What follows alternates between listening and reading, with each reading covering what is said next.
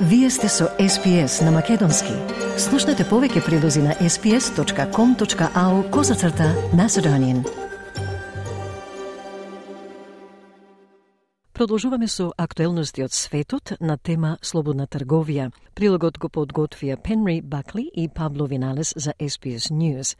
Вие сте со SPS Audio на Македонски, а со вас е Маргарита Василева.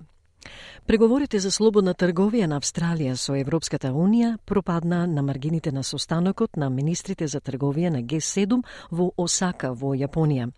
Клучните спорни точки вклучуваат употреба на географски показатели, што ќе ги спречи австралиските производители да можат да користат термини како фета и просеко.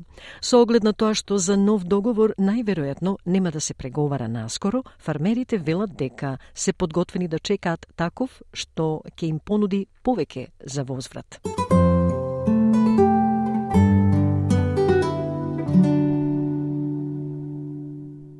Преговорите со Европската Унија за договор за слободна трговија повторно пропадна по првичните надежи дека може да се постигне договор до крајот на годината.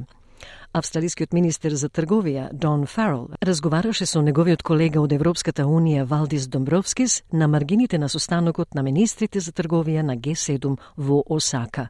Сенаторот Фарел вели дека прекинот на преговорите поради одстапките на кои Австралија не може да се согласи е разочарувачки резултат. I came to Osaka with a view to signing um, a free trade agreement with the Europeans. We've been working on this for, for five years. But at the end of the day, the offer for Australia uh, was not good enough, and uh, we didn't make the progress that I had hoped that we would. Клучна точка на спојување со блокот беше употребата на географски показатели кои ќе бараат од австралиските производители да престанат да користат термини како фета, пармезан или просеко.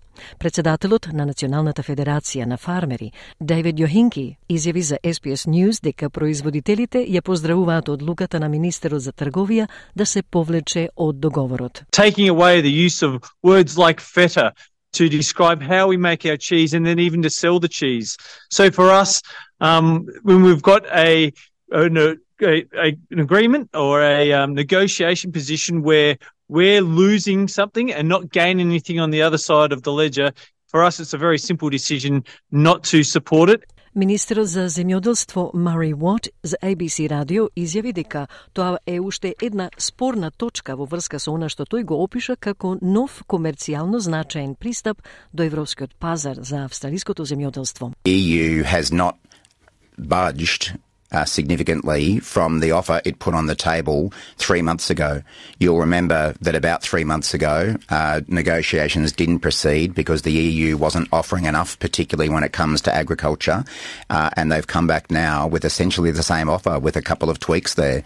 Господинот Уот изјави дека Европската Унија не отстапи доволно од понудата што ја стави на маса пред три месеци, кога преговорите не продолжија, бидејќи понудата на ЕУ не беше задоволителна, особено кога станува збор за земјоделство.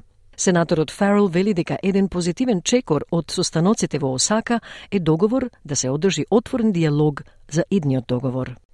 Тој вели се дојде до договор да се продолжи да се разговара со европските колеги, на кое тој се надева дека ќе има добра волја во иднина. We have uh, agreed to continue talking with our European counterparts and I'm hopeful that if there's some goodwill into the future that we will ultimately uh, strike a deal that is both in Australia's interest and uh, the European Union's interests. Но господинот Мот вели дека е малку веројатно да се преговара за трговски договор пред крајот на сегашниот мандат на Федералниот парламент во 2025 година. The EU next year will go into its election cycle. Uh, it's always much harder for countries and regions to negotiate these sorts of trade agreements uh, on the eve of elections. So I think it will be quite some time before any Australian government or any EU uh, leadership uh, is able to negotiate a deal. And that's a bit of a shame for both uh, Australia and the EU.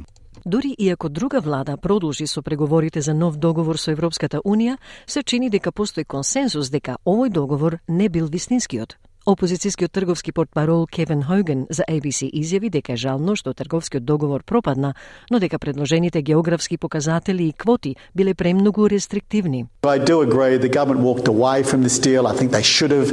Um, the quotas they were offering on beef, sheep meat, um, sugar um, were just not good enough. In fact, they were lower than what they'd previously offered countries like Canada and um, New Zealand. Господинот Јохинки вели дека австралиските земјоделци, кои веќе вршат многу трговија со Европската Унија, се повеќе од подготвени да издржат договор со поголем пристап до европските пазари. We're very aware and conscious that this deal has taken a long time to get where we are. But we're also very conscious that this deal would lock in a whole generation of agriculture into what we would consider suboptimal. So if we have to wait another year, if we have to wait multiple years to attain a better outcome, we are very patient. We are willing to wait.